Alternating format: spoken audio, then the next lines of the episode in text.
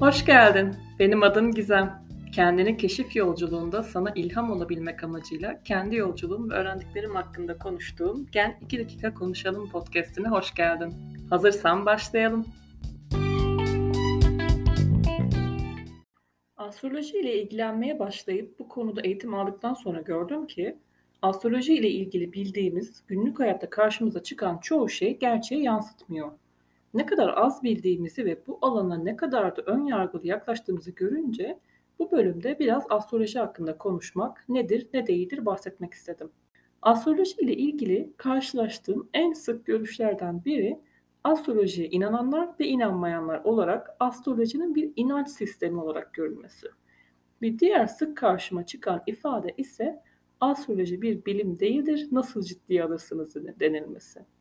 Öncelikle astroloji ne bir inanç sistemi ne de bir bilim alanı. Astroloji temelinde istatistik tutmak. Eskiden insanlar çevrelerindeki olayları kaydederken takvim olarak da kafalarını kaldırıp gökyüzüne bakıp gök cisimlerini kullanmaya başlıyorlar. Mesela sevgili günlük.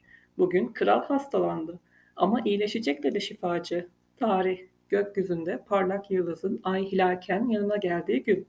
Başka bir gün sevgili günlük. Bugün o kadar yağmur yağdı ki sel oldu. Ekinlerin çoğu zarar gördü.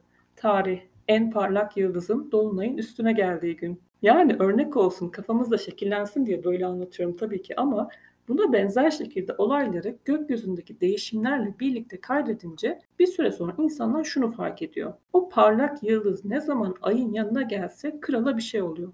Benzer olaylar yaşanıyor ve o zaman görüyorlar ki kendini tekrar eden döngüler var. Tabii ki insanlık geliştikçe, teknoloji ilerledikçe bu döngülerin etkileri de o seviyede oluyor.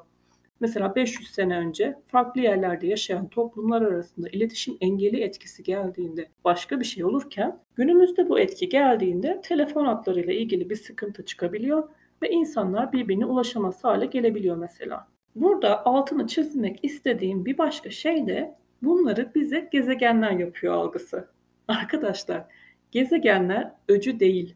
Plüton geldi eyvah kaçın, Merkür retro olmuş ne yapacağız diye strese girenler. Az önce de dediğim gibi gök cisimlerini astrolojide bir takvim gibi düşünelim dünya üzerindeki döngüleri gösteren takvimsel göstergeler. Nasıl ki kış gelince strese girmiyorsak, kışın kendisinden korkmuyorsak ona göre önden hazırlığımızı yapıyor, işte arabalara kar lastiği takıyor, kışlık kıyafetlerimizi çıkarıyorsak astrolojiyi de hayatımızda bu şekilde kullanabiliriz diye düşünüyorum. En azından benim anladığım açıdan astroloji böyle bir şey. Bu döngülerin hepsinin bir enerjisi var. Astroloji de bu enerjiler denizinde sörf yapmayı öğrenme aracı. Kimse kimseyi kış mevsimine inanıyor musun diye sorgulamıyor değil mi? Astroloji de benzer şekilde inanılacak bir şey gibi görmek bu yüzden çok anlamsız. Takvimsel göstergelere neden inanma ihtiyacı olsun ki? Kış geliyor, kar yağabilir, yaz geliyor, hava ısınacak gibi. Enerjiler denizi konusunu da biraz açayım bu arada. Madde enerjiden oluşuyor biliyoruz ki. Maddenin içinde atomlar var. Atomların da belli bir titreşim frekansı var. O maddeyi bir arada tutan şey bu titreşim. Bu titreşimi yapmayı bıraksalar evrene dağılır o madde.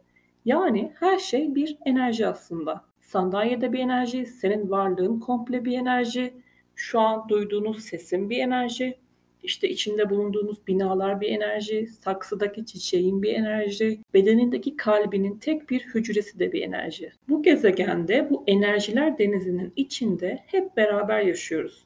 Dolayısıyla enerjilerimiz birbiri içine geçiyor etki ediyoruz, etki alıyoruz. Bu etkilere tepkiler veriyoruz. Astroloji de bu enerji denizindeki dalgaların ritmini anlamamız ve öngörebilmemiz için bize rehberlik eden istatistiki bilgiler içeriyor işte. Bir de ortamlarda şöyle bir ifade daha dolaşıyor astrolojiye karşı. 12 burç çok saçma, tüm insanlık 12 tip mi yani? Bu da yine yanlış bilinen efsaneleşmiş bir ifade. Şimdi nasıl gezegenleri takvimsel olarak dünya üzerindeki enerji döngülerini gösteren göstergeler olarak düşünelim dedim. Bu döngüler de kendi içinde 12 farklı enerji halinde akıyor. Sanki 12 farklı insan karakteri gibi de düşünebiliriz. Ayın mesela bir döngüsü 28 gün sürüyor. 12 burcun her birinde dolayısıyla 2 ila 2,5 gün arası kalıyor. Her burçta kaldığında o burcun enerjisini gösteriyor ama bunu ay karakteri ile gösteriyor. Yani ay koç enerjisini başka şekilde gösterirken Satürn koç enerjisini başka şekilde gösteriyor. 12 burç diye gazete köşelerinde, sosyal medyada vesaire karşımıza çıkan yorumlar da Güneşin o burç enerjilerini nasıl gösterdiği aslında. Ancak herhangi bir anda gökyüzünde sadece Güneş mi var? Ay'da var, Mars'ta var, Venüs'te, Merkür'de, Jüpiter'de. E dolayısıyla senin doğduğun zaman da bir an ve o anın astrolojik haritasına baktığımızda da Sadece güneş yok, hepsi var. Dolayısıyla o gazetelerin burç köşelerindeki yorumları okumak ve astrolojiyi bundan ibaret sanmak çok çok çok eksik bir bilgi oluyor. Üstelik en başta da astrolojiyi tarif ederken dediğim gibi o parlak yıldız ayın altına mı geldi, yanına mı doğum anı haritanda? Bunun da ifade ettiği enerji yine farklı oluyor çünkü. Ay ikizlerdeyken başka bir enerji anlamı varken Mars da ikizlerde ayın yanındaysa başka bir enerji anlamı oluyor. Dolayısıyla bir kombinasyonlar denizi gökyüzü haritaları da ve hayır insanlar da 12 tip değil. Öyle olsaydı belki insanı anlamak daha kolay olurdu tabii. Evet, umarım astrolojinin ne olup ne olmadığı ile ilgili biraz fikir verebilmişimdir. Eğer paylaşmak istediğiniz bir şey olursa bana podcast bilgilerindeki mail adresine ulaşabilirsiniz her zaman. Eğer astroloji ile ilgili daha detaylı bölümler isterseniz de bana yazın. Ona göre ayarlarım bir şeyler. Beni dinlediğin için çok teşekkür ederim.